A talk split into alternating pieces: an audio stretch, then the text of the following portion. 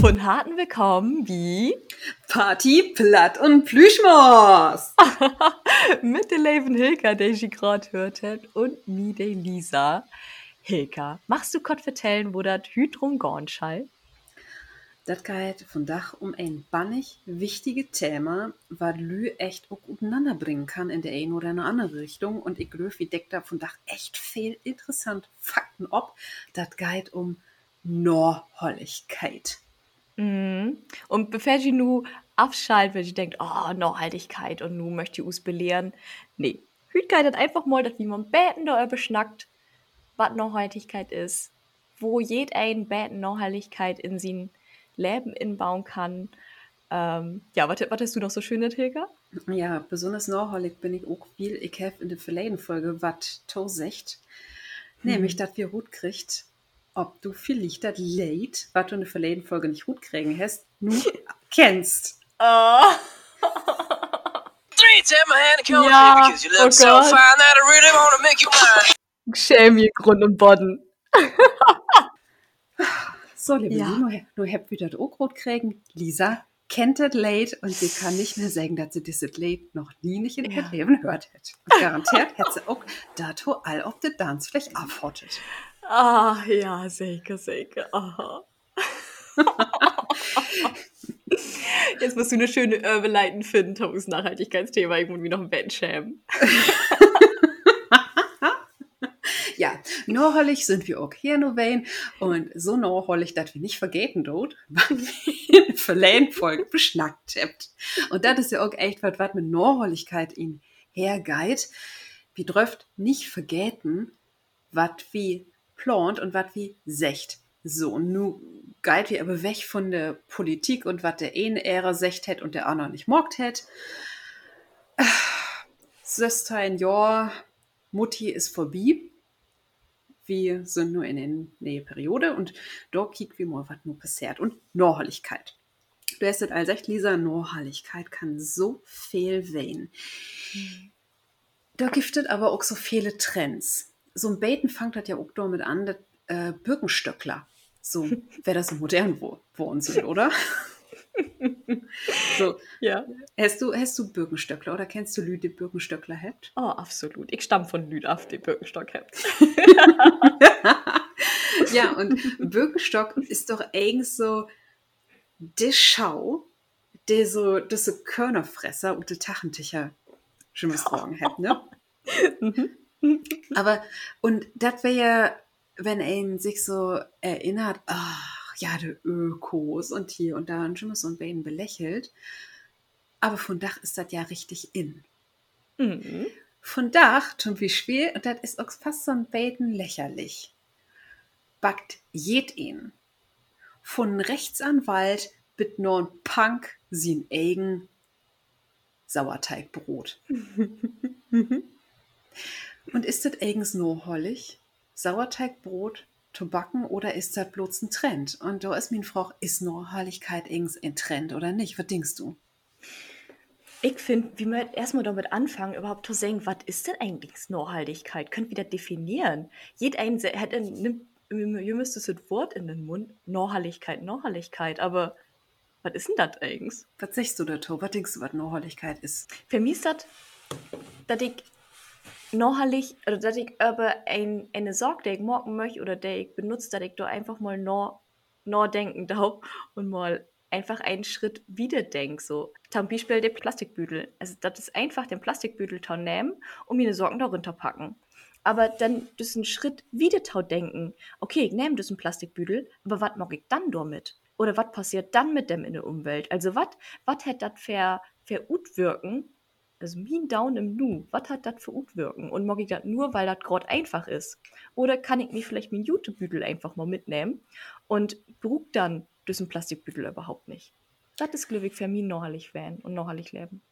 Und da finde ich, das finde ich auch interessant, äh, solche Glücks noch aber wo du von den Plastikbüdel schnackst, ähm, als ich in Portugal ähm, lebe, da gibt das in der ersten Monde noch Plastikbüdel umsonst in jedem Geschäft.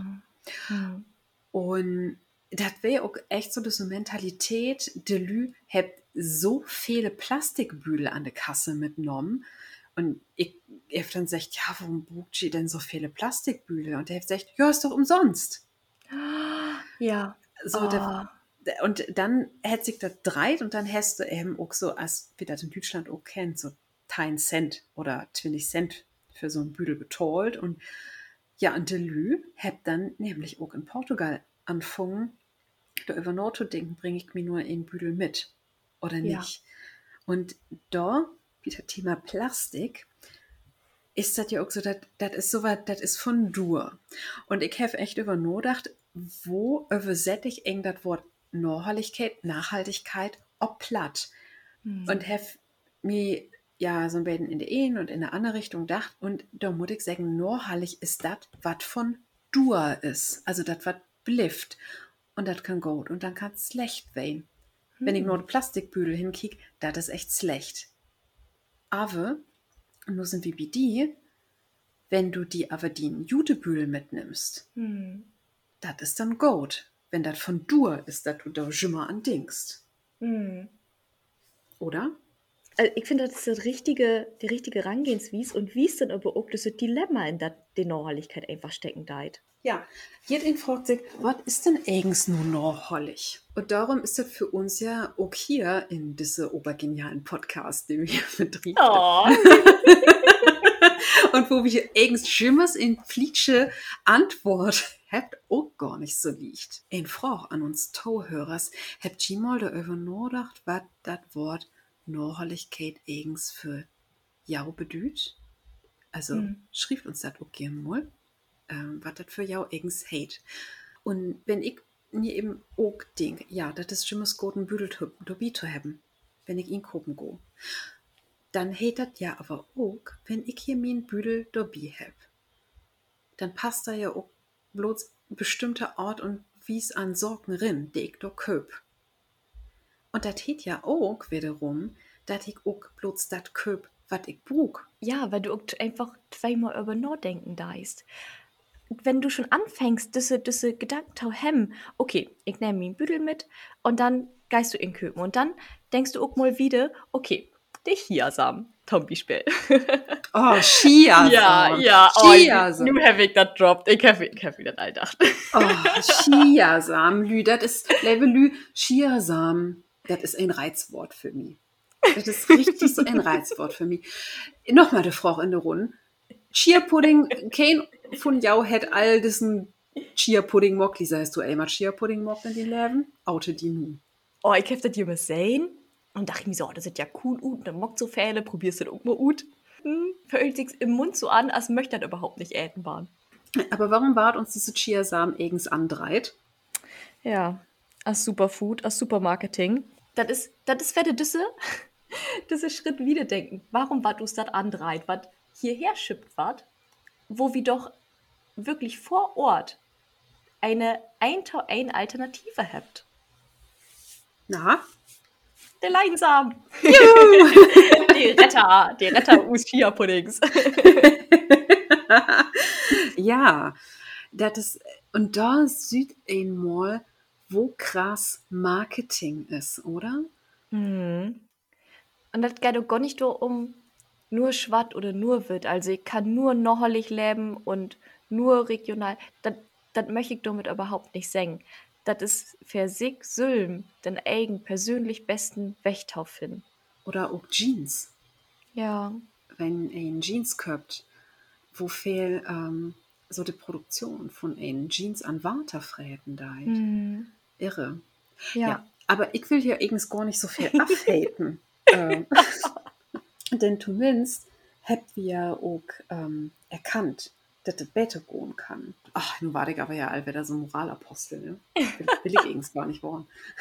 Ne, die, die Punkt ist ja einfach, wirklich kritisch statt mal denken und nicht einfach nur die einfachste Sorge, die uns dann für den nächsten Storn da einfach tau griepen, sondern wirklich nochmal Kott inne tau holen, wirklich zu denken, okay, was ist doch vielleicht Achter an? Und ja, am Anfang ist das einfach, wir sind das nicht wo- gewohnt, ähm, über eins noch Nordtau denken, wo kommt das her und was ist das und was hätte das eigentlich für, für ein Bedühen? Weil wie einfach in eine Umwelt läuft, die uns das allen super einfach und super fix morgen leid. Ja, und da sind wir auch ne, mit diesem Thema wieder von Durwein. Hm. Wenn Kram so fix verfügbar ist, ne, wenn wer da so fix ankommt, dann das ja auch fix, dass wir uns davon aufholen, lot, ein bisschen genauer hinzukicken, brug ich das eigens. Genau. Du bist ja auch Profi in nix brugen. Danke, danke. ja, ich, ich bin auf jeden Fall ein großer Fan davon, nix taubrucken. Oder ich, man kann ja gar nicht sagen, nichts.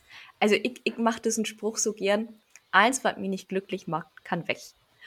Und so Sorgen, das ist immer, das ist schön, was zu haben und das ist schön, sich sicher zu werden. Ja, und falls ich das mal bruten, da hab ich das. Aber kick die doch einfach mal um, wo sie gerade sind. Beim Autofahren bitte nicht umkicken. Aber, ja, ähm, bitte nicht. auch nicht. Auch nicht um Vorrat. Bitte zuerst anholen. Aber wo viele Sorgen hab wie doch um uns rum rumlingen, der wie Kuben nutzt, der wie doppelt habt, der wie eigentlich gar nicht so brugt. Und ähm, ich hab für, bevor ich nach Island gegangen bin, habe ich ein Titel lang Zero Waste lebt. Oder ich habe versucht, Zero Waste zu leben. Und dann war ich eigentlich, hat das nur angefangen, dass ich mir dachte, so, ah, okay, ich will das einfach mal ausprobieren. Ich mache das ganz gern, mir auf und tau mal so gut fordern. Ähm, mir mal werde auf neue Situationen unterstellen. Unter der Tit habe ich in Wismar lebt und auch als Studentin, also ich habe nicht so viel Geld. Und in Wismar gäbe das doch noch keinen Unverpacktladen und auch keinen Bioladen.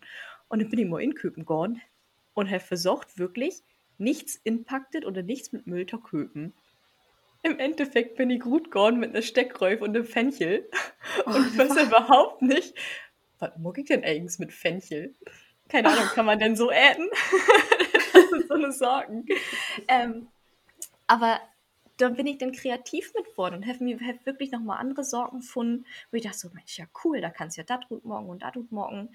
Klar, das köst wäre Energie. Das ist natürlich nicht so einfach, als Gott irgendwas Fertiges zu nehmen. Ähm, aber das macht richtig Spaß, wenn man anfängt, sich da so, so ein Betten rinterfuchsen. Und da kommt auch wieder das drin, was ich noch gesagt habe mit, das Gift nur, nicht nur schwatt oder witt. Ich habe dann auch so ein paar Socken einfach nicht gefunden, der gave das dann nicht inpackt oder nicht in, in den Packungen, der ich eigentlich gern habe.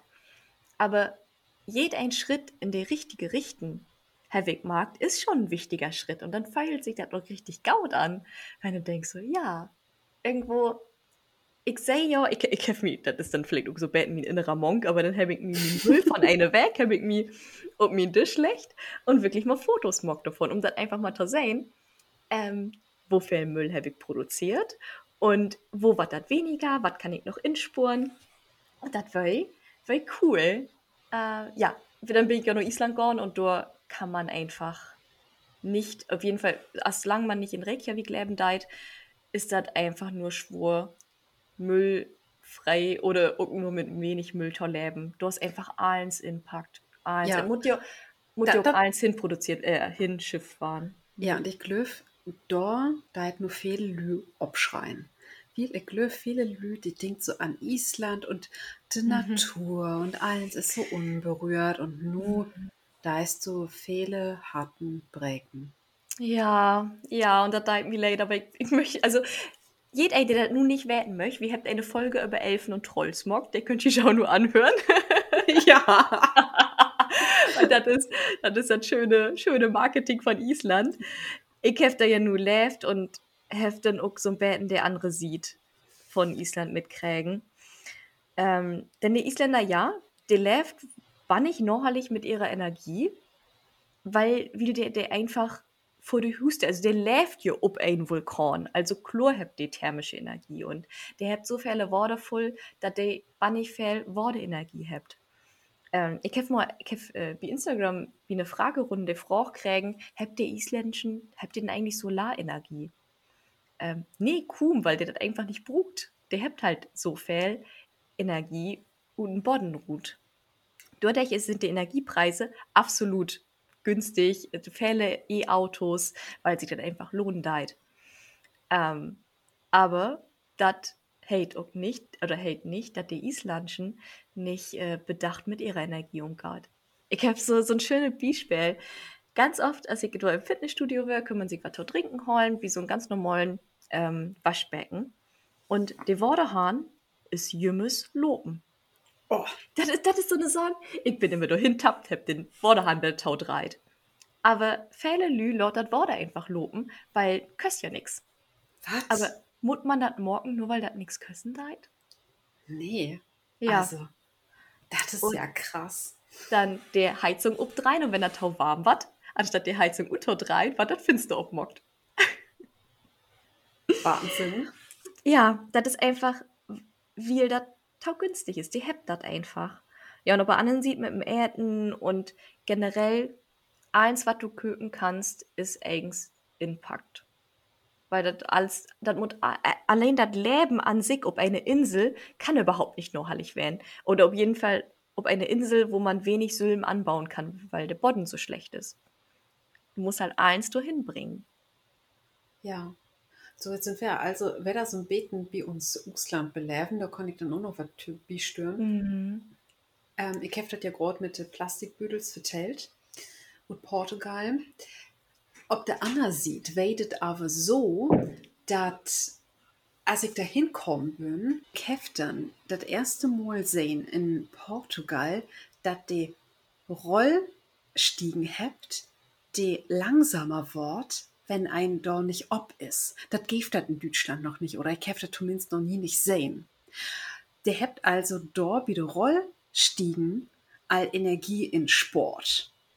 Mhm. Also, nun giftet das ja, ich glaube, in jedem Kopus.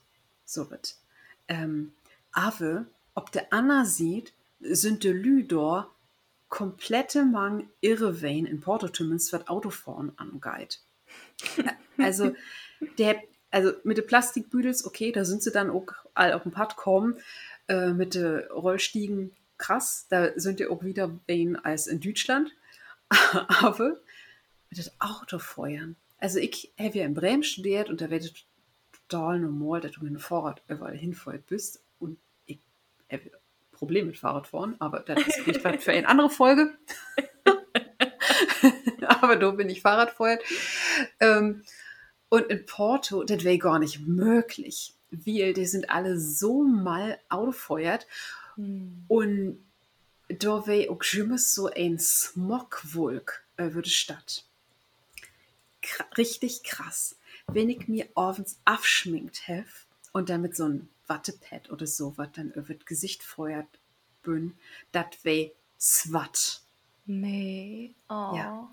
Ja, und, und wenn ich dann so mit dem Tuch mal rot feuert bin, noch einen Strand hin, dann hätte ein die Stadt selbst auch so eine richtige Smogglocke sehen. Da hat er doch richtig in der Lungen weh? Oder fällt ich habe sowas noch nie belebt. Äh, toi, toi, toi. Also, also in der Lungen nicht, aber ähm, kennst du das, wenn du auf dem Festival bist und du hast dann so, so, Mhm. so swatten Schnodder? Oh ja. Äh, Das Herwig da doch auch Faken hat. Hm. dass das so, sch- so swat in den Nächsten way. Aber ja, vor allen Dingen, äh, ich dann echt mich richtig, richtig gut abends das Gesicht so gemockt, wie ich habe immer so ein, so ein Staub, so ein Staubschleier auf mein Gesicht hat. Boah. Krass. Ja, weil die Lüde habt da eben auch viele so, ja, so Autos feuert, die keinen Cut habt. Hm. Hm. Und, Da muss man sich mal überlegen, wo wir wie nu all sind. Mhm. Und doch, äh, gut, Autos sind immer noch nicht vernünftig sauber, noch nicht so sauber, als ihr werden könnt. Aber wir haben da schon mal Fortschritte mockt. Ja, äh, immerhin. Und ich, du, ich denke, du hast ja nur gesagt mit Island, dass ähm, die Lüder kein Energieproblem habt, Hm. aber der habt sicher gut isolierte Husen, oder? Mm, so. Ähm, oh, ja, das ist- interessant. Ja, äh, wir, ich habe mich immer wundert, warum die so bannig große Eiszapfen an manchen Hüs sind. Ja. Eiszapfen, ja. Und äh, du hast mir die auch vertellt, gerade die Eiszapfen, die bildet sich halt, wenn das Dach nicht vernünftig isoliert ist. Und dann kannst du genau an den Hüs sehen, die nicht vernünftig isoliert sind, die haben enorme Eiszapfen. Also richtig gefährlich. Ich bin nur auf den jüngsten Day Strotten sieht wesselt, wenn ich diese riesigen Eiszapfen, die wollen Meter lang und wirklich die Hahn, manche Hahn ein, ein Durchmesser von, ich weiß nicht, 20 Zentimeter oder so. Also Ho, richtige, richtige Prügel. wenn, die, wenn die Ründe fallen, ich lüfte erschleuten Menschen. krass. Hm. Und der isoliert er nicht. Die sind, ich denke, die sind isoliert, aber halt nicht so gaut. Das sind halt fe- gefährliche Ole Hüs, die Ohlen Fisches Hüs. Mhm. Ja, äh, da muss man mal sehen, äh, wo unterschiedlich das ist, ne? Mhm. Gaut, in Portugal brauchst nicht viel isolieren eigens, oder? Ah, ah, Ah, guck. An der Algarve ist es vielleicht nochmal anders, aber in Nordportugal, wie habt ihr auch Minusgrad hat. Oh, Hm. oh nee. Ja, und im Winter, da regnet da. Hm. Über Weken und Monde. Und du hast da keine Heizung in den Hosen. Weiß ich gar nicht, ob ich das nochmal vertellt habe, aber so die, normal, die modernen Hosen, die haben dann auch Heizung, aber so die ollen oder die normalen Hosen, die haben alle keine Heizung da drin. Hm. Und Oh dann nee. sind, ja, und dann ward nichts durch. Das blieb, das blieb dann Oh. eins so klamm. Wie beim Oh. Campen. Oh. Oh, ja, das ist echt so. Und dann habt ihr Lü eben kein, keine Heizung und der Husen und der Finster, die sind auch alle echt nicht gut isoliert. Hm. Und dann habt ihr Lü dann eben so, so elektrische Heizlüfter. Nein. Doch. Oh Gott, das sind ja, oh, das sind ja Geldäter. Oh. Ja, ja, das ist mega krass. Hm. Und ja, und den denkt immer, ja, der läuft da in der Sünn und das ist doch super gut. Nee, Hm. also jedes, jede eine hätte da so gesehen Probleme. Ja, das sind der Sieten, aber der einen nicht so schnackt. Ja, und wo wir auch bei diesem Thema Isolation sind. Lisa, du, hast, du, hast dir vielleicht auch mal, wo du die mit so mit wenig Hemmen auseinandersetzt hast, wenn mal über das Thema Tiny Houses nachgedacht, oder? Äh, tatsächlich, ja, Herr Wick. Mhm. Tiny Houses sind so was von nicht norhollig. Oh. Das Wieso? ist weil, und da sind wir wieder Thema Isolation, die Deels, die Dele, die sind nicht isoliert. Das sind Energiefräter, wie Heizen. Meinst du? Ja, das ist so. Warum isoliert ein denn sein Tiny Haus nicht? Weil du hast ja dieses Tiny House auch, um das transportieren zu können. Hm. Und dann darf das ja nicht zu schwer worden. Du hast, Hm. du hast runterrechnet, ob der Quadratmeter toll einen krassen Energieverbrauch. Diese, Boah. Tiny, diese Tiny Houses braucht nicht viel Platz. Ja, das ist gut. Aber als lange als du da Wedding nicht selbst die Solarzellen dann ob das Lütsche Dack ob hast, da das für die Energiespuren gar nichts bringen. Ja, äh, du, wenn Sie plant, ein Tiny House zu bauen oder zu köpen, also ich bin hier echt von Dach Moralapostel, Lotchen ja auch nicht aufbringen, aber äh, kiekt ihr das bitte nochmal genau an, ob sich das echt Mhm. lohnt oder ob das nicht für dich bete ist, wenn Sie ja ob ein Dack vielleicht mal eine Nähe isolieren, obbringt und dann Leber ein paar Zimmer untervermieten da. So, Hm. vielleicht hilft das ja auch. Ich möchte jetzt mal beten, werde Blied morgen. Ich möchte um werde beten Sündchen drin bringen. Ach, danke dir. Da. Weil das ist ja nicht eins schlecht. Und das Thema, das, das könnt wir auch nicht in einer Folge beschnacken. Und das ist, das Nu sind eigens einfach nur, würde ich sagen, von Us Denkanstört, um wirklich nochmal hinterwiesen, hey, das Thema, ja, das ist einfach so wichtig.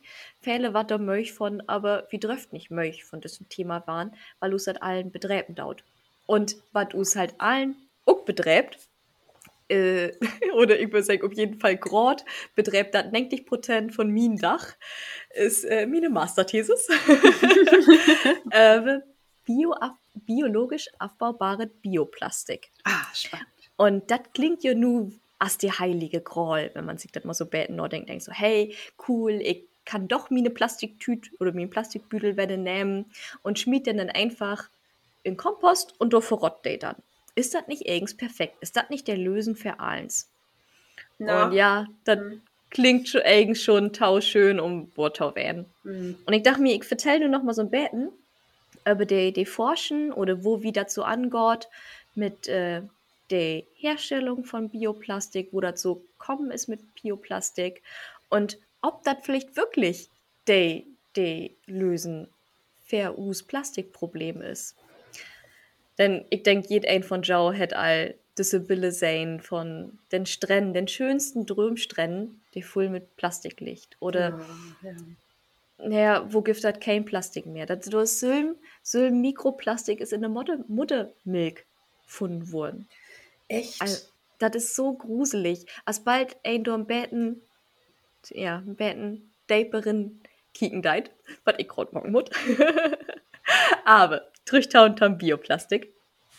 Wie habt anfangen, ob Island dort nu tau forschen und us Arbeits- oder us Ansatz ist, tau kicken, okay, könnt wie Bakterien finden, die wie mit, entweder mit ähm, Industrieabfällen, also um Island gibt es viele Molkereien zum Beispiel und die habt Molkereiabfälle. In diesen, A- wie diesen Abfällen sind Proteine drin meist oder Fette, äh, was perfektes Futter ist für us Bakterien. Wie nehmt aber auch ähm, zum Beispiel Algen. Das gibt viele Algen rund um Island und nur auch Algenfarmen. Algen wast wannig schnell, also perfekt. Oder ähm, Hanf. Da habe ich ja all schon über vertellt. Hanf wast auch um Island. Wo ich wirklich denke, okay, Gaut. Da war das, das war mi, oder die ganzen Hanffelder war ich mi dann im Sommer mal ankicken. Äh, Kick da gern. dann mal wie Lauf, wie Instagram, das Story für wie. Da war die ganz viel Industriehanf sein. Ähm, oder aber auch ähm, Schlachthusreste, all sowas, also der ganze Müll, der anfallen deit, könnt wir denn irgendwie noch verwenden, weil dort, das sind ja Materialien, Proteine, Fette, Kohlenhydrate, die wir einfach noch brauchen könnt. Und wie habt ihr es nur gesagt mockt? Bakterien finden, die in Island lebt, in, in einer Umwelt, die eigens, ja, der eigens lebensfeindlich ut sein deit. So als extrem, extrem Hittequellen zum Beispiel. Wo man denkt, okay, eigens kann er nicht so viel in leben, aber da lebt richtig gaut anpasste Bakterien in. Und wie habt ihr ein paar spannende Bakterien gefunden, die ob er einen sieht, us einen gewissen Stoff herstellt. Man kann sich das so vorstellen, ähm, so, wenn wie, wenn wie Menschen was äten daut, dann lagert us Körper Energie in, in Form von Glykogen oder von Fett. Also Fett ist ja der Energie, Langzeit-Energiespeicher für us Körper. Und die Bakterien, die wir gefunden habt, die spiegelt das nicht als Fett in, sondern als eine gewisse Verbindung. Der nennt sich PHB, die aufkönnen. Und das PHB könnt wir als Menschen nutzen und durch Plastik gut morgen. Das Schöne an dieser Sorge ist eigens, dass das Bioplastik sich auch werde zersetzen lauten von Bakterien. Und das ist der Knackpunkt an Bioplastik. Bioplastik klingt immer ganz wunderbar grün, aber das Gift auch Bioplastik, das nicht abbaubar ist. Das heißt also, ja, wie habt das schön grün produziert, wie schmied diese, den Bioplastikbüdel dann ins Meer und das blieft doch trotzdem fair, so 700, 800 Jahre. Und diese Marketing, das ist, ah, kann schon fast ein pervers sein, wo das Marketing sagt, ah, also Bioplastik, also Bioplastik. Und dabei ähm, ist das aber nicht der Lösen. Also, ja, Bioplastik ist Gaut, wie brugt aber biologisch aufbaubares Bioplastik. Ah, der Feinheiten von der deutschen Sprache. Und als beide dann werden die Berinkigen da ist, siehst du auch, dat sieht 1980 heb wie all Bioplastik. Also wie habt das allen schon erforscht und wie kennt das auch eigens eins? Hilga, kannst ja mal ran. Warum hat sie das noch nicht durchgesetzt? Taudur? Ja, exakt. Ding, ding, ding, von der Punktal. Oh, danke. danke. ja, das ist, ähm, also Bit, BitNu ist der Herstellen von biologisch aufbaubarem Bioplastik und PHB ähm, mindestens mal so dür als ut Öl. Also beziehungsweise das ist ein von, ein von dem Problem, wieso wir das noch nicht habt. Und in Island, wo es eine Arbeitshypothese, also warum denkt wie, okay, wie könnt das nur aber noch mal neu erfinden? Ähm, ob Island habt wie so günstige Energiekosten. Und wir habt eventuell ähm, bädere Bakterien, der Usa taubäderen Konditionen dann produziert, sodass wir günstiger werden könnt. Oh, krass. Mhm. Ja. Und wenn wir dann noch Abfälle nehmen, das gibt auch in, in Indien ganz spannende Forschung an Klärschlamm, das und Klärschlamm Bioplastik mockt wird. Also die Forschung ist schon richtig weit und das ist super spannend. Doch bis das dann im großen Stil umsetzt werden kann, wird das noch ganz schön lang dauern. Oder Oh, vielleicht wow. taulang. Mhm. Oh, wow. Ja, äh, ich löw. Aber wie all könnt, und da sind wir wieder an Anfang von der Folge, wie all könnt wird morgen. Ja. Denn du hast ja auch gesagt, äh, Mikroplastik ist auch all in der Muttermilch. Mhm. Und Levelö, ich glaub das nicht, aber auch in Nutella ist Plastik bin. Mhm. Nur Herr Weg das sagt. Ja, das ist nur was könnt gar ist. Aber ja, wenn sie Nutella ät und ich ät auch gerne mal Nutella, da ist ähm, Mikroplastik bin. Warum ist das da bin? Weil ähm, Mikroplastik, Lisa kann das sicher, wenn sie das nochmal genauer werden wollt, noch deep im Detail verkloren. Mikroplastik ist ein Emulgator und das macht Sachen cremig und fördert Tau, das Sorgen sich nicht in Fett und Warte obdelt. Ist das richtig so verklort? Ja. Okay. Und das finden wir eben auch in so Lebensmittel drin. Das, das sind dann die Phthalane. Das ist schön utschnackt. Machst du noch mal singen? Phthalane. Wart mit pH schreiben. Mhm. Also d- diese Phthalane sind dann gern als Emulgator in so Cremes, Bünden und auch in Kosmetik. Mhm. Mikroplastik hab wie zum Beispiel gern in ähm, Sündcreme bin, damit das eben auch so ein Filmbild ob der Hut, der dann dort Mhm. blifft und wie das nicht so liegt, abreiben könnt, die schützt und ja. Aber ich kann Sündcreme auch anders produzieren, aber Mikroplastik ist so leicht herzustellen und das ist, als Lisa sagt, das ist billig. Mhm. Und das ist so ein Beten nochmal mein Tipp, was könnt wir alle tun. Das gibt verschiedene Apps, womit ein dann so einen Code auch scannen kann, der ob so ein Lebensmittel oder ob ein Cremetube ob ist und dann sagt ein der App, ähm, was da binnen ist und sagt ein auch, ob das Mikroplastik ist zum Beispiel. Und dann könnt ihr auch Hm. mit der App direkt mal einen Protest an den Hersteller senden. Stark. Und das Ja. geht ja so einfach und so fix.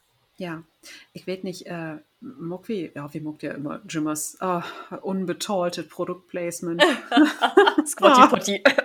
Scotty Potty, Scotty Potty. oh, liebe Leute, habt ihr auch, ich hoffe, ihr habt ja ein Tüsken das Reklame ankickt, die ihr auch verlinkt habt. Wie ein Dromprinz. Prince Charming. ähm, ja, und äh, die App, die ich zum Beispiel empfehlen kann, das ist die ToxFox App. Die Mhm. ist von Nabu. Ich Mhm. glaube, das ist okay, wenn ich die empfehle, oder? Gibt aber noch andere Apps. Also, Mütti immer mal so Produktscanner sögen und da gibt es viele Apps. Und das ist so was wie in Kleinen, in Lütschen aufmachen könnt. Ja. Und das ist auch noch das, was ich noch so ein Beten mitgeben will oder wo ich das für mich entschieden habe, das sind die lütschen Dinge. Das ist vielleicht der der Coffee-to-go-Bäcker, den man sich so mitnehmen darf, den Jutebüdel, den man so mitnehmen darf, vielleicht auch die Bambustarnböss. Aber das muss nicht nur komplett nachhaltig werden oder komplett Zero Waste. Das sind, sind ganz lütschen Dinge, die sich aber upsummiert, tau ein Groden. Und dann habt ihr einen Impact. Ja. Und weißt du, äh, wo wir vielleicht noch einen Impact habt? Na? Wenn du vielleicht in diese Folge das Lied rumkriegen darfst. Oh, ich krieg jetzt schon wieder Angstschweiß. Okay. okay. Okay. Ich bin bereit. Du bist bereit. Okay. Ich habe ich hab vorbereitet. Ähm, Mhm. Das ist aber echt nur was lichtet und damit muss ich auch ein Wort gut lauten, weil sonst weißt du das sicher direkt gemacht. Ja. Ähm, Okay, okay. Ja. Okay, wir fangen mal an. In Götten ob in Bachspitze. Het as ein Silberflamm brandt. Dat Zusammenspiel ut Schönheit und Leif und hm, hm, hm, wer er nom. Das ist der Stroph, nur der Refrain. Se het dat, ja, leifste, se het dat. Nu, ich bin din, hm, hm, hm. ich bin din für, bin din Längen. I'm your fire. Und was wäre das, letzte? Din Längen. Längen. Okay. Singt da deine Frau? Ja, I'm your fire. Ah. Ist das nur den 90ern? ja, gibt das in den Negentiger, ob jet in Fall, auch in der Tachentiger, ist oft covered worden. Mm. Ist das Bonnie Tyler? Het Bonnie. Oh, bei Bonnie Tyler bin ich mir nur groß nicht sicher, ob sie das covered hat, ist aber möglich. Tellt das? Bitte noch erzählen. Ja, Das muss ich nur einmal nachkicken. Das muss ich einmal Ah, nachkicken, okay, ob, sie okay.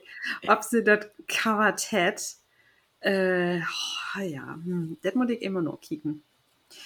Ähm, da hast du mich noch kriegen. Nee, ich glaube, das hätte sie nicht covered. Okay. Ähm, ist das Venus? Von Bananarama? Yay! das ist voll geil, die Geschichte in. oh, oh Gott, oh Gott. Ja, und, und als Jimmers habe ich mir auch wieder mögt, dass das auf die Melodie passt. Oh ja, ja, Ja. Sing, singst du das für mich bitte? In Göttin ob in Bergspitze, het ein Silberflammenbrand. Das Zusammenspiel und Schönheit und Leif und Venus wer hernahm. Se het dat, ja leifste se het dat. Ich bin den Venus, ich bin den für, ich bin den Längen. So. Hm. Oh, ja, und Lüno Voll habt ihr vielleicht was. Wie Licht habt ihr auch was lehrt? Die Seiersehnsucht hält ob Plattdeutsch Längen. Ich habe auf jeden Fall was lehrt. Ich Ja. bin doch nicht rumkommen. Cool. Du hast das rot kriegen. Schön. No, das, das ist Schmorch von das ledige Mal hast du nur Oh, das. Oh, da, danke, Hilka, danke.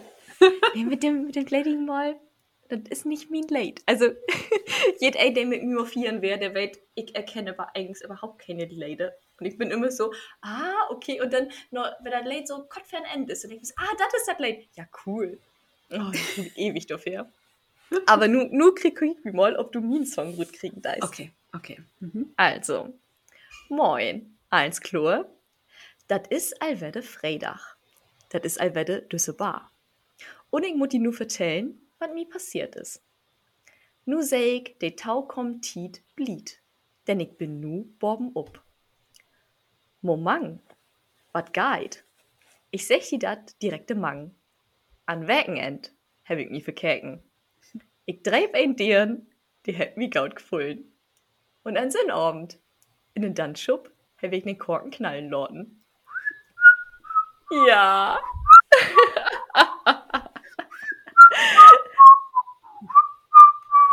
Ist da die da, die da an Ingang steigt? Oder die da, die dir den Kopf verdreht? Oder die da, mit einem dicken Bulli an? Mann, es, es ist die Froh, der Frey das nicht kann.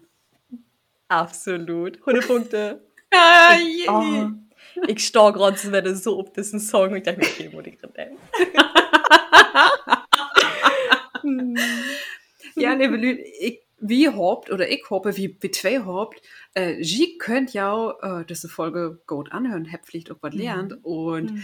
Sie könnt ja auch dann bei der Tokam-Folge anhören, denn das war magisch. Oh ja, absolut. Wenn ein so sich nur denken dat oh die Realität irgendwie ah, ich ich möchte mich noch mal so beten vertrecken in eine magische Welt und zwar um dat ähm, die magische Welt von Herr der Ringe.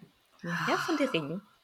Da war das eine Taukampffolge rumgegangen. Ja, und wie belügt natürlich der Film und der Boyka, aber Mhm. wie kickt auch mal der Sprachwissenschaft an. Natürlich, wir Tilka im Podcast, wie kickt uns die Sprachwissenschaft in der an? Also, dann bleibt uns noch zu sagen, Mag dat gaut, holt den Näs in den Sinn und genature und Dach. bis balle. Tschüss.